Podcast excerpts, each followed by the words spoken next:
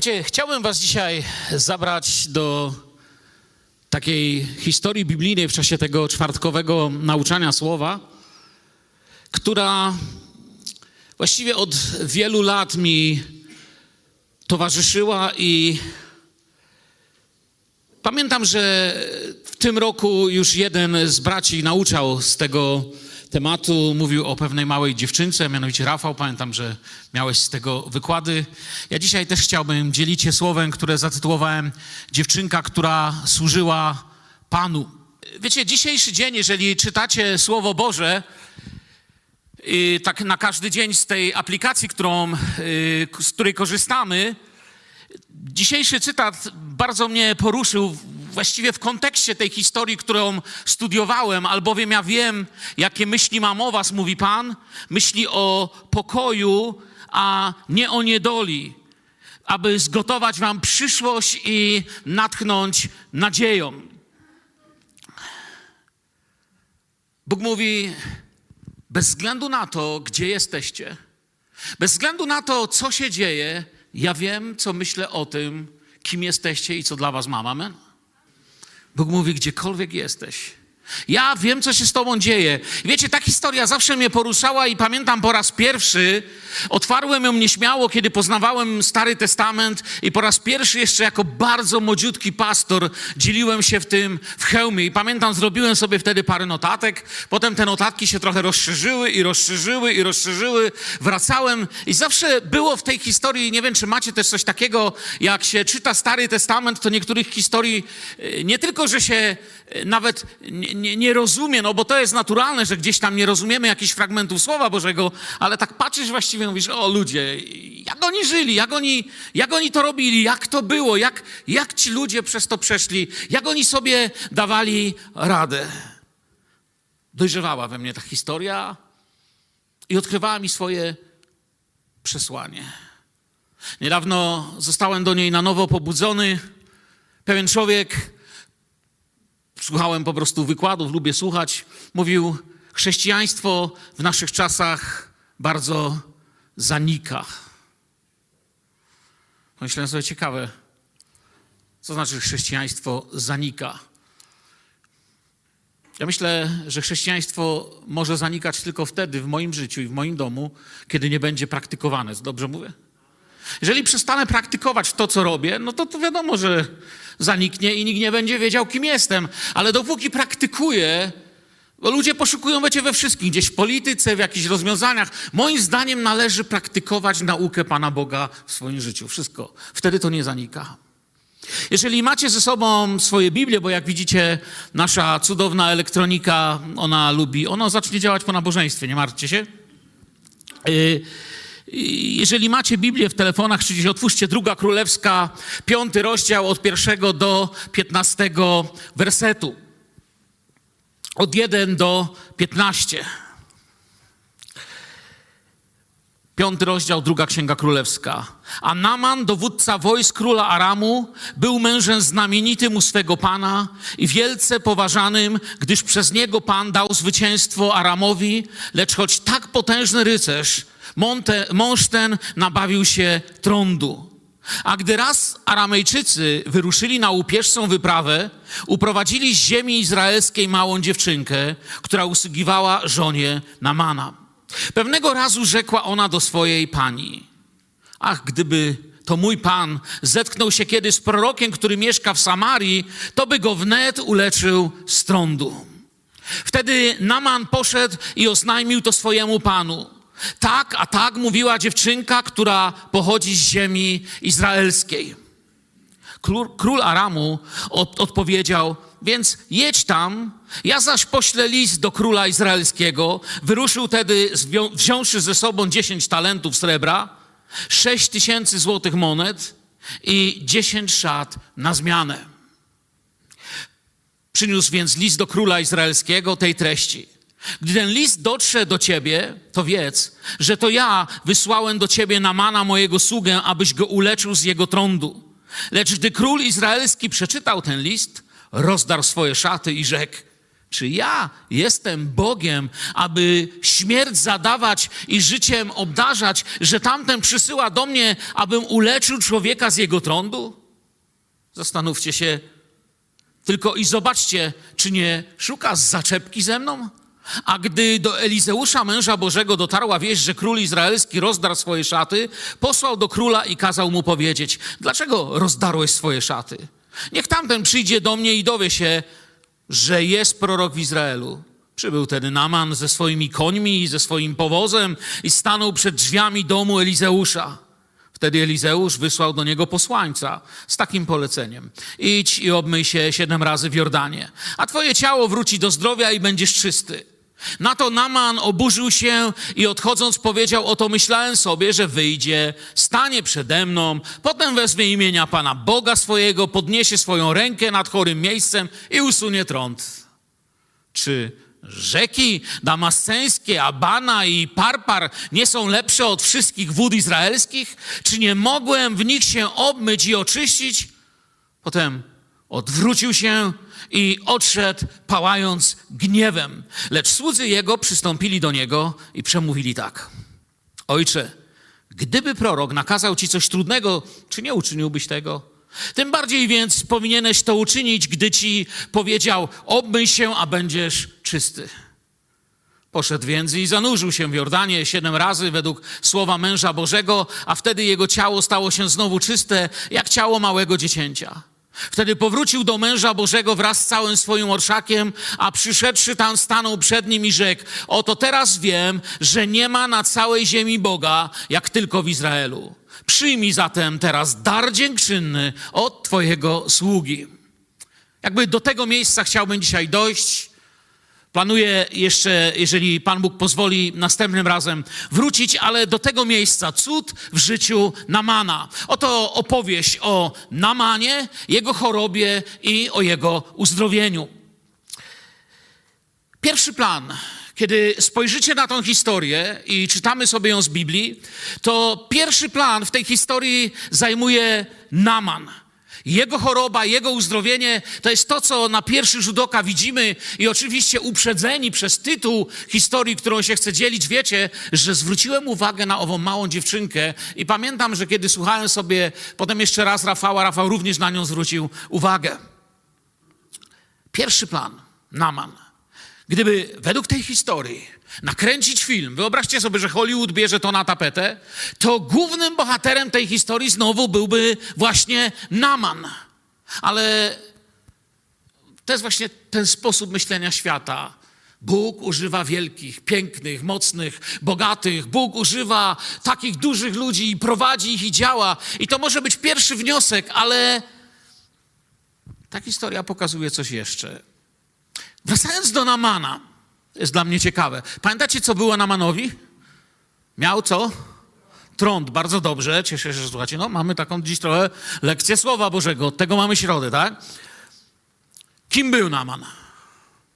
Był bardzo ważnym człowiekiem, którego bardzo bolesna i przykra choroba dopadła. Jeśli chcecie wiedzieć, w tamtych czasach starożytność, a jeszcze i średniowiecze nie, nie było odpowiedzi na trąd w tamtym czasie. Trąd wywalał cię, wyrzucał cię jak poza środowisko, poza, poza obręb ludzi. Były doliny trędowatych, miasta trędowatych, getta dla trędowatych. Nie wolno im się było zbliżać. W niektórych kulturach musieli nieść dzwonek i napis, że są trędowaci. W innych musieli być ubrani w specjalne ubranie. W jeszcze w innych musieli po prostu chodzić tylko wtedy, kiedy ludzi nie było na ulicy. Ogólnie było to odepchnięcie. Naman. Kimże jest Naman? Chory Naman. Wiecie, co znaczy imię Naman? Na przykład, jak powiem Bogu miła, no to wiadomo, co znaczy. Bogu jest miła, proste, nie? Co znaczy Naman? Jego imię oznacza, słuchajcie teraz, miłosierny, wytworny, bez skazy i piękny. Jak się ma trąd, to żadna z tych rzeczy nie działa. Nie był niczym, co mogłoby zapowiadać jego imię. Jeśli patrzymy na chwałę ludzką, To rzeczywiście może jego stanowisko, jego szaty były piękne, ale on sam się zmagał. Jeśli patrzymy na wierność i chwałę Pana, bohater tej historii właśnie jest ukryty i on dla mnie będzie dziś na pierwszym miejscu. Gdyby nie wierność i dobroć tego małego bohatera, nie miałby miejsca, nie miałaby miejsca cała ta wielka opowieść o Namanie. Innymi słowami, gdyby czasami ktoś nie powiedział Tobie o Jezusie, to całe Twoje świadectwo, jak duże by nie było, nie miało miałoby miejsca, gdyby ktoś nie zatrzymał się koło ciebie kiedyś, albo w jakichś innych okolicznościach, przez ludzi, czy przez jakieś zdarzenie, przez ktoś podłożył broszurę, ktoś się modlił.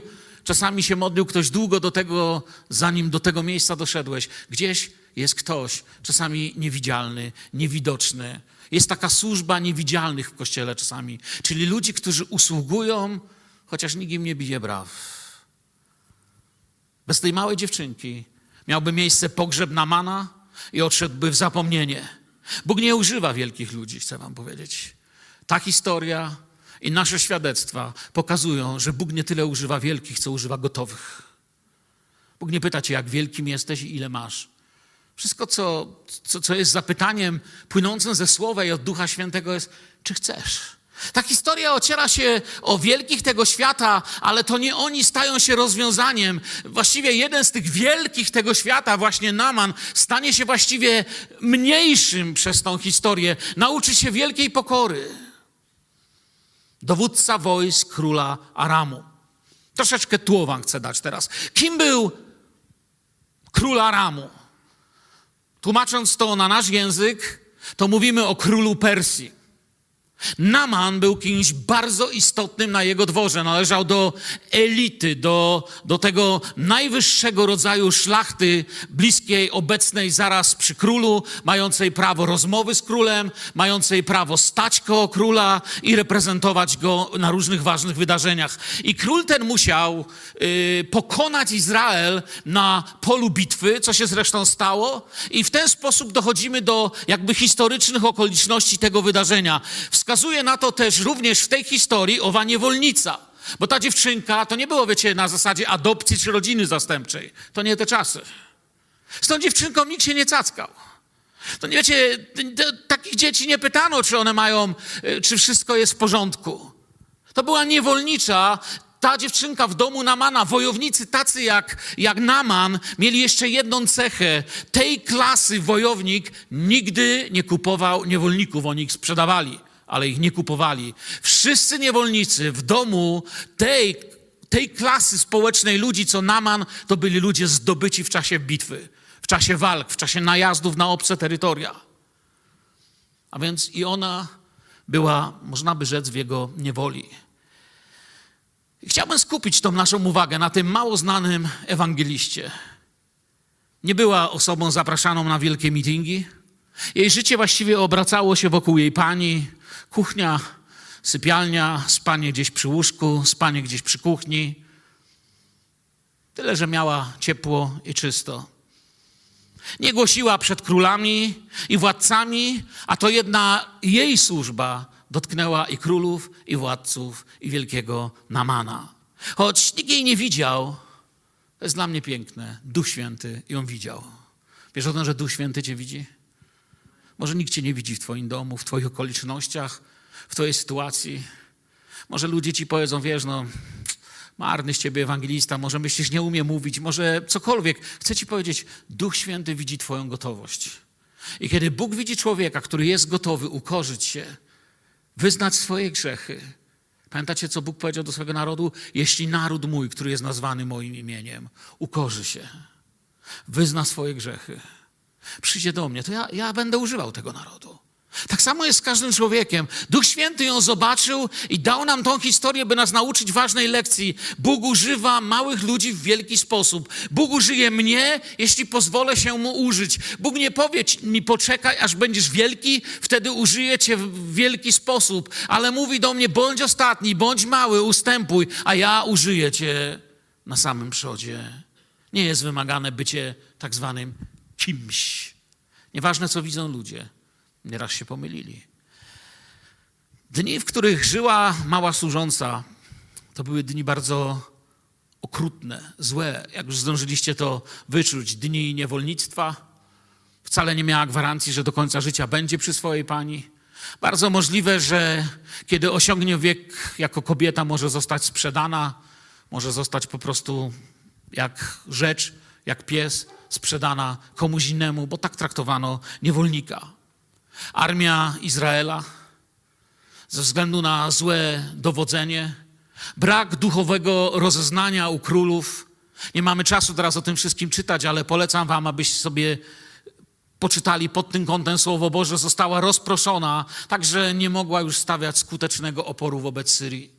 Mamy to opisane dokładnie w pierwszej królewskiej, 22 rozdział. Przeczytajcie sobie, tam jest cała esencja tego, co było nie tak z tamtym wojskiem, z tamtymi królami i z tamtą cywilizacją. Zapomnieli o swoim Panu, zapomnieli, kim są, zapomnieli, że należy pytać Pana, a proroków Pana nie słuchali, raczej ich wyśmiewali albo nawet zabijali. Widać tam straszny obraz pomylenia słowa pańskiego z propagandą. Izrael, Izrael stawał się coraz słabszy. Efektem tego było właśnie to, że pojawiły się na granicy Izraela tak zwane oddziały wypadowe. Nie wiem, czy kojarzycie, chociażby nie, wiecie, zanim czy, przeczytałem Biblię, przeczytałem pana Wołodyjowskiego. Ktoś z was czytał? Tam zaraz na początku jest opisany wypad właśnie tych tatarskich małych oddziałów wypadowych, które wiecie, wpadały na terytorium jakiegoś kraju, który miał problemy, który nie potrafił dobrze upilnować swoich stanic czy swoich wartowni. Te oddziały były za małe, żeby im wystawić bitwę, ale za duże, żeby mała wieś czy małe miasteczko się przed nimi obroniło. Wpadali, palili, niszczyli, brali ludzi w jasyr i uciekali w kierunku Krymu najczęściej, w kierunku stepów, tam znikali. I mniej więcej taka sytuacja się dzieje tutaj. Z Persji nadciągają oddziały, równają czasami wsie, miasteczka, osady z ziemią, porywają ludzi. Zanim ktoś tam dojdzie, ich już nie ma, nie ma po nich śladu. Z tym się nie da walczyć. Podczas jednego z takich wypadów zostaje uprowadzona właśnie ta mała dziewczynka przez tego rodzaju wypadowe oddziały. Dla mnie, kiedy tak sobie siedzę, ja lubię sobie to wyobrazić, gdybym film miał o tym nakręcić. Zawsze tak patrzyłem na, na, na, na pewne historie. Dlaczego Bóg do tego dopuścił? Zawsze mi się pojawia pytanie. Dlaczego Bóg dopuścił do takiego porwania? Przecież Pan chroni swój lud, a już szczególnie takich ludzi. I przy wielu z tych historii zrozumiałem jedno, że pewne, pewne fakty biblijne, wiecie, przeczytamy jeszcze tutaj, zrozumiemy jeszcze tu. Kiedyś ktoś przyjedzie, czy pojawi się w naszym zborze, kto otworzy Biblię i tak czasami jest, czasami ja mam ten przywilej, a czasami mam przywilej korzystać z tego przywileju. Ale czasami jakiś kaznodzieja otwiera Biblię, czyta coś nie wiem, czy tak macie, ja sobie siedzę i nagle mówię, wow, całe życie tego nie widziałem, a gość to powiedział w trzy minuty, nie? Są takie rzeczy. I, a czasami jest tak, że nie wiemy czemu. Ta historia jest przesłaniem. Wiesz, że jest przesłaniem lekcji Bożej, gdziekolwiek jesteś. Nie narzekaj, miej dziecinną wiarę, pozwól się używać Bogu, bądź gotowy. Jeżeli chcesz, żeby się działy cuda w Twoim domu, to nie tyle powiedz sobie Panu Bogu, co sobie życzysz, jak zapytaj Pana Boga, co sobie życzy. Czego, Panie, chcesz ode mnie, żebym wszedł w ten obok Twojej chwały, żebym wszedł w to miejsce Twojego działania. Chcę się pozwolić używać Bogu. Wiecie, nie mówię Wam czegoś, co fajnie brzmi w środę, mówię Wam coś, czym osobiście żyje. Wierzę mocno, widzę, że Pan nie opuści swojego ludu, nawet w dolinie cienia. Dom małej dziewczynki ulega zniszczeniu, a jej życie prowadzi w nieznane. Poczujcie, wyobraźcie sobie, spróbujcie się postawić w tym miejscu. Masz córkę albo syna? Pamiętasz, jak był mały? Wyobraź sobie, że jakaś banda żbirów przechodzi przez twój dom Stoisz na gruzach własnego domu, ludzie wychodzą z różnych dziur, gdzie się pochowali, z lasu wracają i pytasz, czy ktoś widział moją Kasię, Jasię, Anię, Basię, nie wiem, postaw sobie inne imię. Gdzie ona jest? Czy ktoś ją widział? A sąsiedzi, którzy przeżyli rzeź, których nikt nie uprowadził, nie zabił, Mówią, nie, nie widzieliśmy, może jeszcze się znajdzie. Kiedy zbierasz to, co zostało z Twojego domu, nie znajdujesz. Zaczynasz rozumieć, że Twoje dziecko żyje, ale z każdym uderzeniem Twojego serca i jej serca jesteście coraz dalej od siebie. I to jest czasami miejsce, w którym nie sposób fizyczny, ale w sposób duchowy doświadczamy tragedii z naszych bliskich. Takiej tragedii doświadczają rodzice, którzy odkry- odkrywają w życiu swojego dziecka alkoholizm, narkomanię czy jakieś inne związanie, gdzie odkrywasz, że każdy kolejny wieczór oddala cię, że ktoś uprowadza twoje dziecko. Taką tragedię odkrywamy, gdy ci, których kochamy, nagle przestają być obok. Nie znaleziono jej. Opadł pył po walce, wojska odjechały i oni wiedzieli, że z każdą chwilą jest dalej i dalej i dalej. Przerzucona jak worek z ziemniakami przez siodło, przerażona do nieprzytomności, być może ogłuszona, oddala się od domu. Nie było instytucji, do której mogliby się poskarżyć. Nie było żadnego rodzaju Amnesty International, Towarzystwa Przyjaciół Dzieci, czy powiedzcie jeszcze, jaki chcecie tam inną organizację, która mogłaby dawać jakąś nadzieję człowiekowi. Zastanawiałem się, jakbym się czuł w takiej chwili. To słyszane, to, to bolesne pytanie, dlaczego, dlaczego, dlaczego Bóg działa czasami poprzez tragedię i to jest dla nas niezrozumiałe. Myślę, że tam kiedyś, kiedy staniemy z Panem przed Bożym tronem w dniu chwały, wielu odbierze nagrodę i radość za bolesne dni, gdy nic nie było, tylko rozpacz, gdy właśnie taki czas stał. Chcę, wiecie, dla mnie ta historia odsłoniła nie tylko małego, niewidzialnego dla ludzkich oczu ewangelistę, którego Duch Święty zobaczył, malutką dziewczynkę, ale odsłoniła, że nawet będąc bardzo malutkim, w otoczeniu wielkich problemów, po prostu Bóg mówi dzisiaj do ciebie: bądź gotowy dla mnie. Ja wiem, gdzie jesteś. Nie zginąłeś mi z radaru, nie zginąłeś mi z oczu, nie muszę posyłać za tobą listu gończego, aby cię odnaleźć. Ja wiem, gdzie jesteś. Nie zgubiłeś mi się w moich dłoniach. Chwała Jezusowi za to. Nie zgubiłeś mi się w moich dłoniach. W dniu chwały wielu odbierze nagrodę i radość za bolesne dni. I wtedy myślę, że wielu z nas tam przed Panem spojrzymy na siebie. Nie wiem, jak tam będzie, nie umiem sobie wyobrazić. Ale wiem jedno. Powiemy sobie nieraz tak, wiesz co? A tamtego dnia było widać tylko rozpacz. Gdybym wiedział, że On ma takie plany. Może ktoś z nas idzie właśnie przez taką tragedię. Nie ma ani odpowiedzi, ani już nawet pytań za bardzo nie wie, jakie zadawać. Jest tylko jedno wielkie dlaczego. To świadectwo tej małej dziewczynki było dla mnie takie proste i mocne zawsze. Ona była mała, ale jej serce było jakie? Wielkie. To jest to, co zobaczyłem. Myślę, że nie pochodzi, myśl, jestem prawie pełny, pewny, że nie pochodziła z domu, gdzie uczono zemsty i zawziętości. Mogę podejrzewać, że jej rodzice byli ludźmi wyznającymi Jahwe. Jestem tego prawie pewny, z tego co widzę. Mogła mieć w sercu gorycz, smutek dla człowieka, który ją porwał z domu. I kiedy usłyszała, że, bo chcąc nie chcąc, była obok tych ludzi, nawet jeżeli mówili w innym języku niż ona, no to po jakimś czasie, zresztą oni mówili akurat tym samym, ale nawet gdyby mówili w innym z jakiegoś powodu, dziecko w końcu się nauczy mówić w takim języku, w jakim jest środowisku.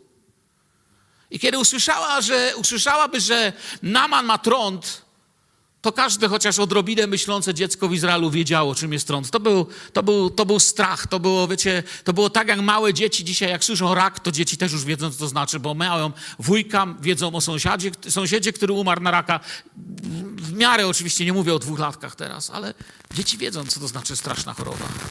Usłyszeć mogła, że Naman jest chory. Mogłaby sobie pomyśleć, dobrze mu tak. Dobrze jak dziadowi jednemu. Jak się rozleciał mój dom, tak on się teraz rozleci. Widziałem kiedyś, jak wyglądają ludzie chorzy na trąd. Wielu z nich nie ma już palców, ponieważ im odpadają. Wielu nie ma nosa, uszu. Człowiek się sypie. Zamiast tego skierowała Namana do proroka Bożego. To też pokazuje nam, że nie była aż tak mała, by zapomnieć o Izraelu, by zapomnieć o Jahwe, by zapomnieć o ziemi, z której ją wzięli. Widzicie to? Ona pamiętała, że ktoś taki jest. Ile mogła mieć lat? Ktoś zada pytanie. wiecie, znając kulturę Izraela, wiemy jedno: była na pewno młodsza niż 12, ponieważ od 12 lat już by była nazywana panną. Kobietą 7, 8 może. Myślę, że gdzieś tak. 6, 7, 8. Nie wiemy. Gdzie jest źródło takiej wiary, jaka w niej była? W Rzymian w dziesiątym rozdziale to źródło jest bardzo dobrze opisane. Tam jest GPS, jak znaleźć źródło tej wiary, tej małej dziewczynki. Wiara tedy jest ze słuchania, a słuchanie przez Słowo Chrystusowe. Widzicie, po co nam Biblię wyświetlane, jak wy to macie w sobie? Chwała Bogu. Może to wcale nie jest takie złe, że nam to wyś- wyświetlanie siada, słuchajcie. Może wrócimy do miejsc, kiedy ja będę mówił pierwszą część wersetu, a będziecie dokańczać. Amen. No, gdzie podoba nam się to. Ja myślę, że w domu musiała często słyszeć, jak opowiadają o proroku z Samarii. Prawdy duchowe były dla niej czymś realnym. Czy nie tak chcemy uczyć nasze dzieci? Bo gdzie poprowadzi następny rok, lata, gdy nas zabraknie? Pamiętacie, co zawsze mówię, kiedy robimy błogosławieństwo dzieci w naszym zborze? Zawsze mówię, że dzisiaj jest pięknie, ale najważniejsza ta nasza modlitwa, to nasze mówienie, to nasze kochanie naszych dzieci będzie wtedy, kiedy nas już tu nie będzie, a im przyjdzie być może stanąć przed czymś, czego my dzisiaj w ogóle sobie nie zdajemy nawet sprawy. Ale oni sobie przypomną, jak ta dziewczynka, że jest Bóg, jest Bóg na tym świecie, do którego mogę się zwrócić.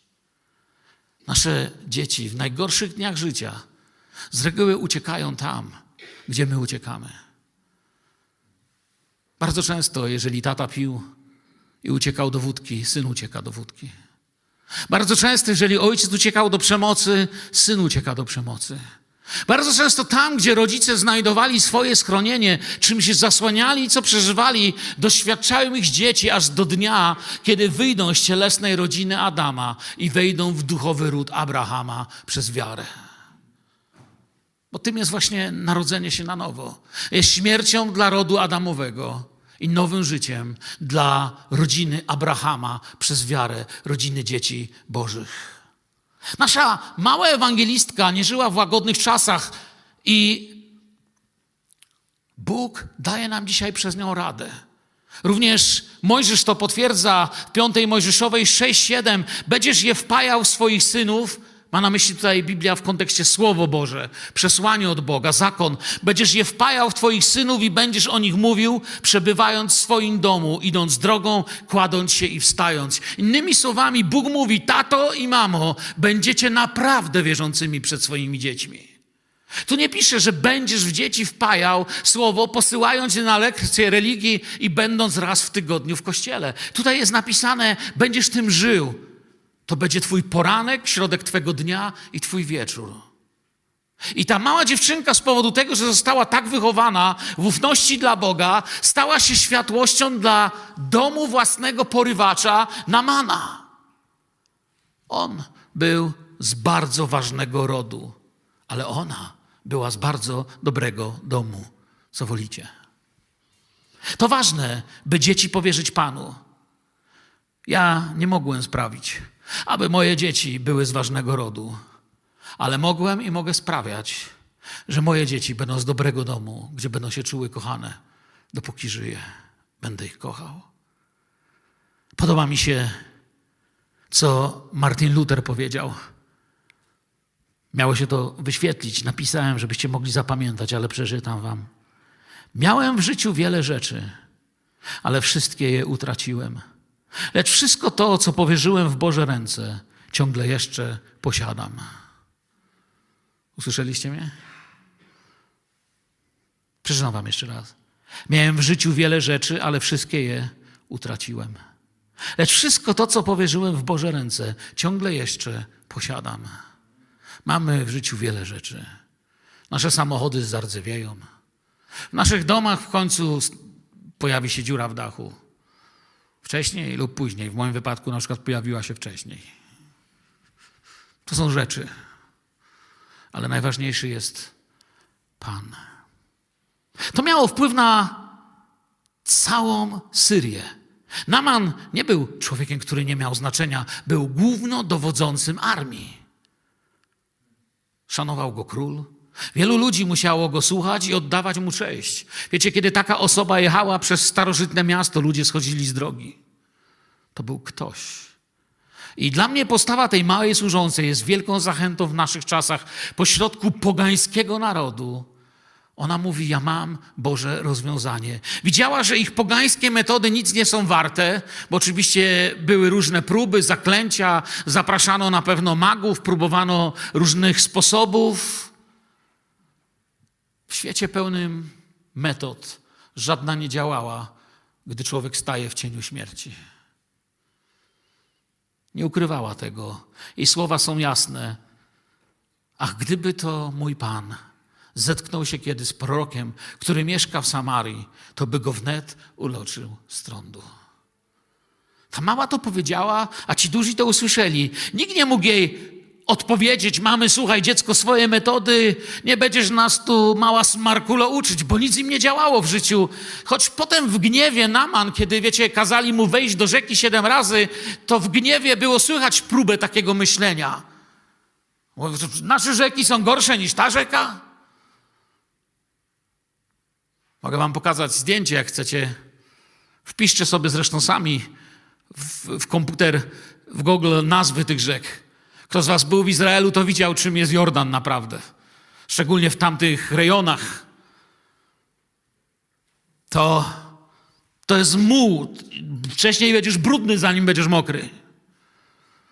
A rzeki, o które on wymienił, Naman, jeśli chcecie wiedzieć, to naprawdę były porządne rzeki. Lecz Bóg uczył go, że wola Boża jest najlepsza w każdym miejscu, tam gdzie On powie, że to jest to miejsce. I mała służąca pośród pogan nie była takim jedynym obrazem tego, że możemy być bardzo głęboko w świecie, ale świat nie musi być głęboko w nas. Pamiętam kiedyś taką widokówkę, takie były kiedyś modne, kolorowe widokówki chrześcijańskie i była na niej łódka na jeziorze i pisało, że Kościół jest jak łódź na świecie że jest na wodzie, ale wody nie ma w nim. I my jesteśmy jak łódka na świecie. Jesteśmy w świecie, ale świata nie ma w nas. Pamiętacie Daniela w Babilonie? Kim on tam był, jak pyłek rzucony przez wiatr. Często się mówi, Daniel był w Babilonie, ale Babilon nie był w Danielu. Pamiętacie Józefa w Egipcie? Józef był niewolnikiem w Egipcie, ale znalazł wolność i dostatek tam. Wielu innych, których życie niekoniecznie było zawsze komfortowe, pokazywali zawsze, że Panie jest, tak łatwo jest być, myślę, radykalnym w kościele, kiedy nam jest przyjemnie. Tak trudno w codziennych życiowych wyborach. Co jeśli chodzi o nas? Jak brzmi imię naszego Boga? Do kogo odsyłam? Myślę sobie czasami, co mówię, kiedy, kiedy trzeba powiedzieć komuś idź i poszukaj pomocy? Do kogo poślemy naszych namanów, których spotykamy i którzy mówią: Słuchaj, chłopie, ja już wszystko próbowałem, nawet w kościele byłem. A my wiemy, że to nie w tym tajemnica, czy on był w kościele, czy nie. Tajemnica jest w tym, czy spotka tego, który jest drogą, prawdą i życiem.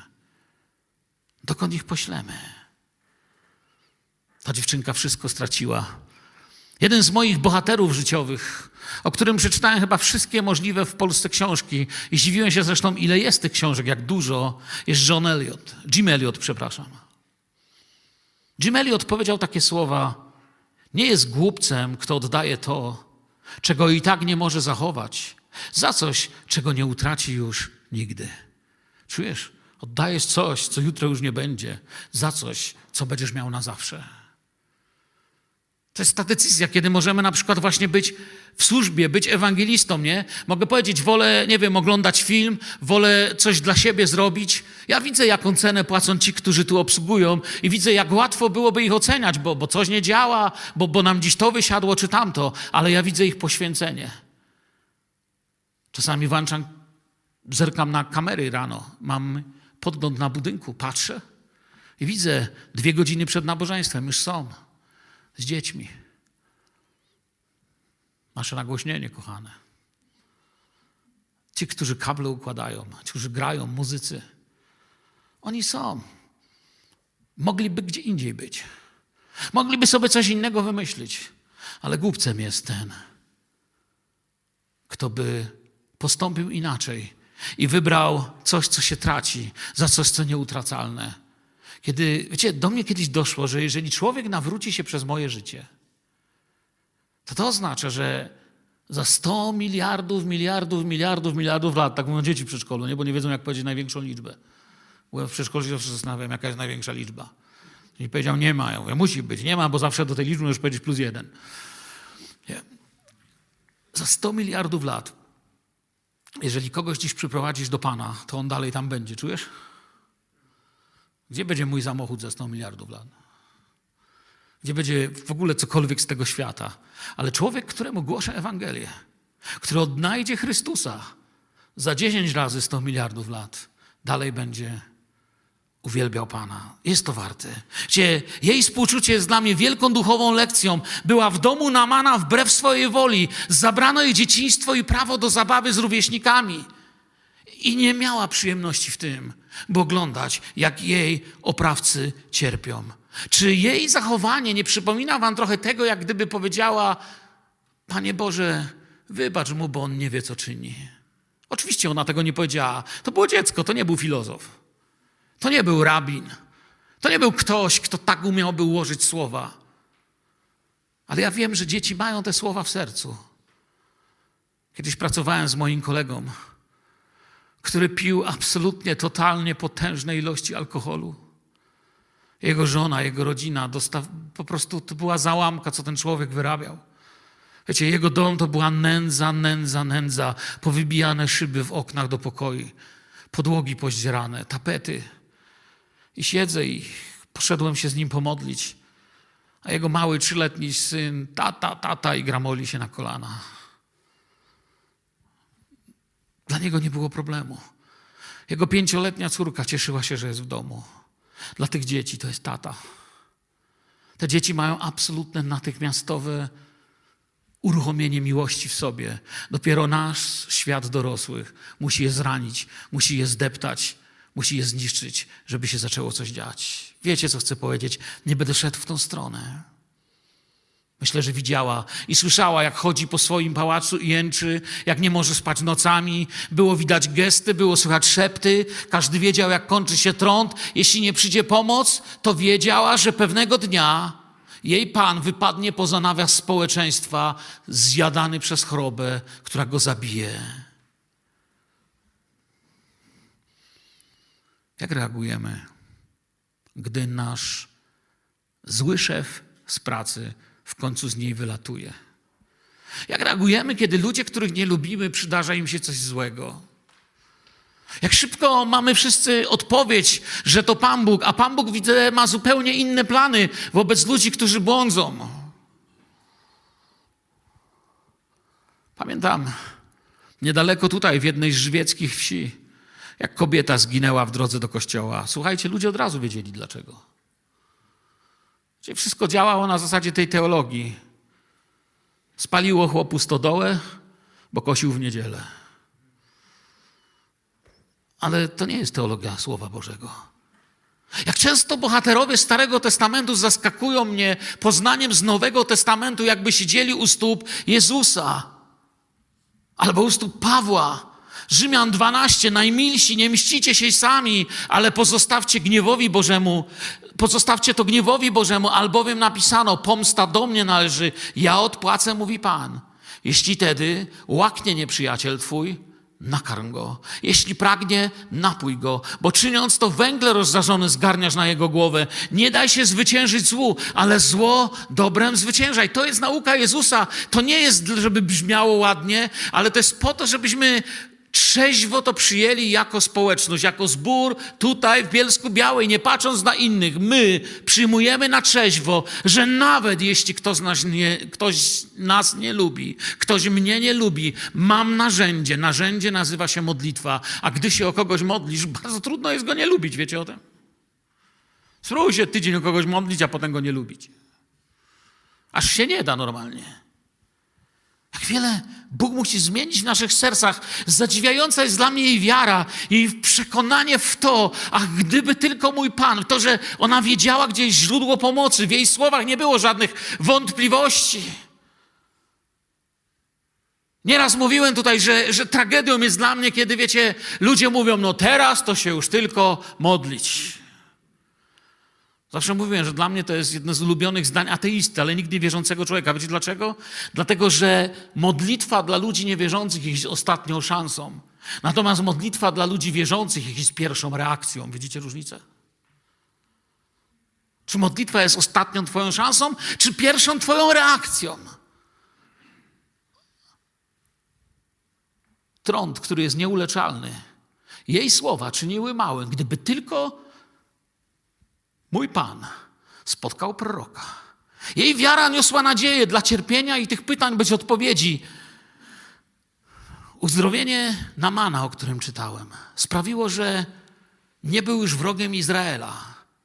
Pomyślcie, przez jej małe świadectwo, ja myślę, że ten facet musiał się zmienić całkowicie. Zresztą widzimy tą zmianę w nim.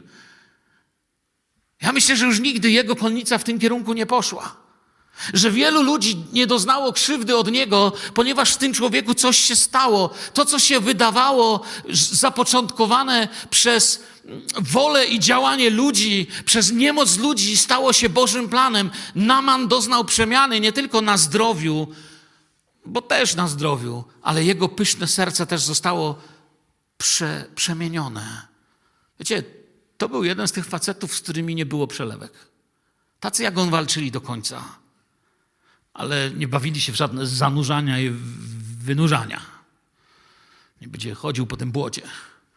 Bóg pokazał mu lekcję. Jeśli będziesz robił to, co ja chcę, to nawet jeżeli pozornie wygląda to głupio i nie widać w tym sensu, będziesz oglądał to, co ja mam dla ciebie. A jeśli będziesz robił to, co ty chcesz, to nawet jeżeli pozornie wydaje się, że cały świat ci przyklaśnie, utracisz to, co ci naprawdę potrzeba. Bożego planu czasami nie widać wyraźnie, bywa, że nic nie widać.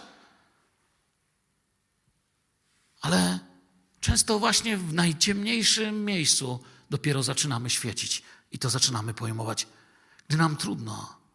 Nie możemy zapomnieć, że wiemy, że Bóg współdziała ku z tymi, którzy chodzą na każde nabożeństwo niedzielne. Dobrze zapamiętałem, czy nie? Kto się zgadza?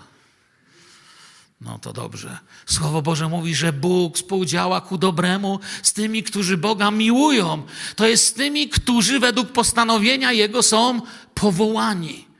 Kocham Boga i Bóg współdziała ku dobremu. Idziemy razem w tą samą stronę. On prowadzi, ja idę. Naman, wiecie, był wściekły, gdy usłyszał, że musiał iść i obmyć się do rzeki siedem razy. Widziałem taki filmik w internecie, zresztą bardzo ładny, poruszający, jak Naman wchodzi do wody i kuca siedem razy. Problem, że to nie do końca oznaczało obmycie. Obmycie oznaczało, że trzeba się było oderwać od wody i żeby się liczyło drugi raz wejść do niej znowu. Więc już widzę, jak się chłop tapla. Siedem razy wszedł i wyszedł. Wszedł i wyszedł. Mam jeszcze te pięć razy to powiedzieć, czy nie? Już wiecie, nie? Wiecie, dzisiaj byśmy się bali, że gościa w TikToku znajdziemy. Śmialiby się z niego. Tyle tylko, że szybko przestaliby się śmiać. Biblia mówi, Naman oburzył się, odchodząc powiedział, oto myślałem sobie. Wiecie, w Biblia jest kilku, w kilku miejscach jest coś takiego. Pamiętacie uczniów w drodze do Emaus? A myśmy dokładnie. A myśmy to sobie tak po naszemu ułożyli. On też ważniacha, wiecie, brał udział w akademiach i on wiedział, jak się dyplomatycznie na akademii zachować. Więc najpierw będą trąby, potem jego kolnica, potem flagi, a potem prorok podejdzie, wygłosi, jaki to ważny gość przyszedł, jaki ważny Naman przyszedł i w ogóle, i co tylko. I wtedy niebiosa zajaśnieją. Może nawet głos z nieba się odezwie, Namanie, ty to jesteś gość. I wtedy pozwolę się uzdrowić. Bóg tak nie działa. Mało tego, Bóg mówi w swoim słowie, że Bóg się pysznym sprzeciwia, a pokornym łaskę daje. A więc trzeba było wymyśleć coś, co gościa pokory trochę nauczy. Takie pranie trochę. Bóg wiedział, dlaczego on musi zostać tak potraktowany. I wiecie, to jest to miejsce, kiedy moglibyśmy powiedzieć, aha, to Bóg jest taki, że Naman był pyszny, a więc Bóg go postanowił uniżyć. No i ciekawe, czy się cieszył, że go uniżył. Nie myślcie tak o Bogu. To jest fałszywy obraz kochającego serca Bożego. Bóg nie dlatego go uniżył, że się cieszył jego uniżeniem. Bóg go uniżył, aby się mógł cieszyć jego uzdrowieniem i miłością. Dlatego, że to uniżenie oczyściło go z tego, co zapobiegało uzdrowieniu. On miał kilka blokad, nie jedną. A więc gdyby go Bóg nie uniżył, miał pierwsza blokada, to miał taka, że, był, że czuł wielkość swojej osoby. Był ważny, jak nam mówi werset pierwszy. Drugi, werset piąty nam pokazuje, był bogaty. On uważał, że za wszystko da się y, po prostu kupić to, co się chce. Nie mówiąc już, że ogromne pieniądze wziął ze sobą na tą podróż, jeśli je przeliczycie. To są gigantyczne pieniądze. No i po trzecie, miał wielkie znajomości. A więc ważny, bogaty i ktoś. I Bóg mówi, jak ja się mam teraz przez to przedrzeć? Ja chwycę gościa i trochę go potaplamy. Dla niego. Żeby wyszedł mokry i żeby się w końcu rozpłakał, żeby w końcu coś do niego dotarło, żeby w końcu te oczy poznały łzy. Żadna z tych rzeczy, które on miał, na których się opierał, stanowisko, finanse, koneksje, nie działa w Królestwie Bożym. Jest jedna droga, a tą drogą jest wiara. A my wiemy, że tą drogą, prawdą i życiem jest Jezus. Myślę, że Pan objawił to Elizeuszowi, dlatego potem Elizeusz też nie przyjmie daru od niego. Elizeusz posyła mu wiadomość przez posłańca.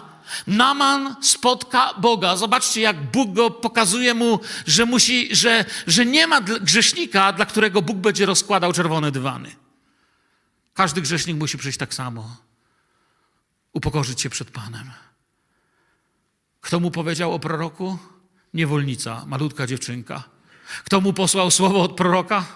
Posłaniec, czyli sługa. Tak zwany, wiecie, jeżeli w tamtych czasach prorocy mieliby tutaj, y, uczniowie prorocy mieliby tutaj takie y, napisy, kto jest kto, to on miał tabliczkę z napisem przynieś, podaj, pozamiataj. On mu poszedł powiedzieć. A Naman mówi, nasze rzeki, tu się mam taplać? nasze rzeki i mówi, że jego rzeki są lepsze. Wymienia damasteńskie Abana i Parpar. Abana to dzisiejsza rzeka Barada. Jeśli sobie wpiszecie to w Google, wygooglujecie Baradę, to zobaczycie widoki podobne do Zakopanego. Przepiękna, czyściutka, rwąca, piękna woda z łatwym wejściem, kamienie. Parpar płynie na wschód od Hermonu i dalej na południe od Damaszku. Następna, dużo piękniejsza rzeka i nie takie brudy jak Jordan. Są bezporównania lepsze niż zamulony Jordan. Ale to nie o Jordan chodziło, ale posłuszeństwo Bogu jest lepsze niż to, co widać. O to chodziło. I Naman doświadczył uzdrowienia i wiedział, że jego pogaństwo nie ma tutaj nic do rzeczy. Był przekonany o tym, kiedy odjeżdżał, że jego kraj służy fałszywym bogom. Pamiętacie, o co poprosił proroka? Dzisiaj już tego nie przeczytałem, następnym razem może mi się uda. Ale spytał proroka, czy ja mogę dalej w ogóle do świątyni z królem wchodzić. No bo muszę. On już wiedział, gdzie jest prawdziwy Bóg, ale tutaj wyznał, że nie ma innego Boga. To jest prawdziwy Bóg. Jej świadectwo zatoczyło wielkie koło i wyciągnęło wielkich tego świata. Ona powiedziała pani, pani powiedziała Namanowi, Naman powiedział królowi Aramu, król Aramu skierował to do króla Izraela, król Izraela do proroka, prorok do Boga. Bóg spotkał Namana przez swoją łaskę. Amen. Widzicie to? Jak Bóg współdziała ku dobremu. Mała dziewczynka zmieniła świat. I Pan nie będzie się jej wstydził w dniu chwały. Pewnego dnia Bóg nazwie ją wiernym i dobrym sługą, już on tak nazwał. Naman pozbywa się dwóch trądów. Bałwochwalstwa i choroby. A może trzech, bo jeszcze swojej pychy. I zauważyłem na koniec, powiem wam coś jeszcze. To może być ciekawe.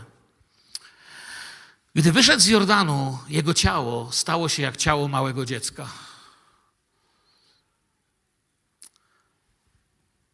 Dziecko pokazało mu, gdzie iść. I gdy chrześcijanie głoszą Ewangelię, ci, którzy ją przyjmą, stają się jak dzieci. Dziwne to dla mnie. I tak na koniec, zanim powiem Amen i chciałbym się pomodlić z Wami. Piękna biblijna lekcja. Misjonarz. Jeden z bohaterów wiary dla mnie, Hudson Taylor. Nie tylko sam przeszedł do legendy opowieści misyjnych, do legendy historii misji w Chinach, ale również wysłał ponad 600 misjonarzy na misję w odpowiedzi na jego modlitwy. Szkolili ich, posyłali na to wołanie z Chin. I podczas jednego z kazań powiedział o sobie coś takiego. Już jako starszy człowiek. Bóg wybrał mnie, bo byłem wystarczająco słaby. Bóg nie pracuje przez mocarzy tego świata. On szkoli kogoś, kto jest dość cichy i wystarczająco mały, a potem go sobie używa. Jeżeli nie mieliście okazji zobaczyć filmu Hudson Taylor, polecam wam. Film przepięknie pokazuje kruchość tego człowieka, jego małość wobec zadania, które przed nim stawia Bóg, jego płacz, kiedy tam, gdzie został posłany na misję, płacze nad grobem własnej córki i żony. Kiedy wydaje się, że jest człowiekiem, który wszystko traci, aby potem okazało się, że był człowiekiem, który pozyskał tysiące ludzi dla Boga. Dzisiaj większość wierzących w Chinach nie ma żadnych wątpliwości, że to, że Kościół w Chinach istnieje i jest tak mocny, jak jest dzisiaj, zawdzięczają temu człowiekowi, który w 1905 roku zmarł, który położył tak mocne nasionka wiary, że późniejsza rewolucja komunistyczna nie była w stanie ich zmyć. Inni misjonarze, wiecie, zakładali w angielskich osadach swoje misje. Tam, gdzie byli obcokrajowcy, ponieważ nie znali ani chińskiego, ani chińskiej kultury i zapraszali Chińczyków. Hudson Taylor odkrył, że to nie tak. Pewnego dnia rzucił swoje europejskie ubrania, zapuścił włosy, ponieważ chińska kultura nie miała szacunku do mężczyzny, który nie nosiłby warkoczyka. Za to został ekskomunikowany ze swojego kościoła i wyłączony. Się nie pocieszaj.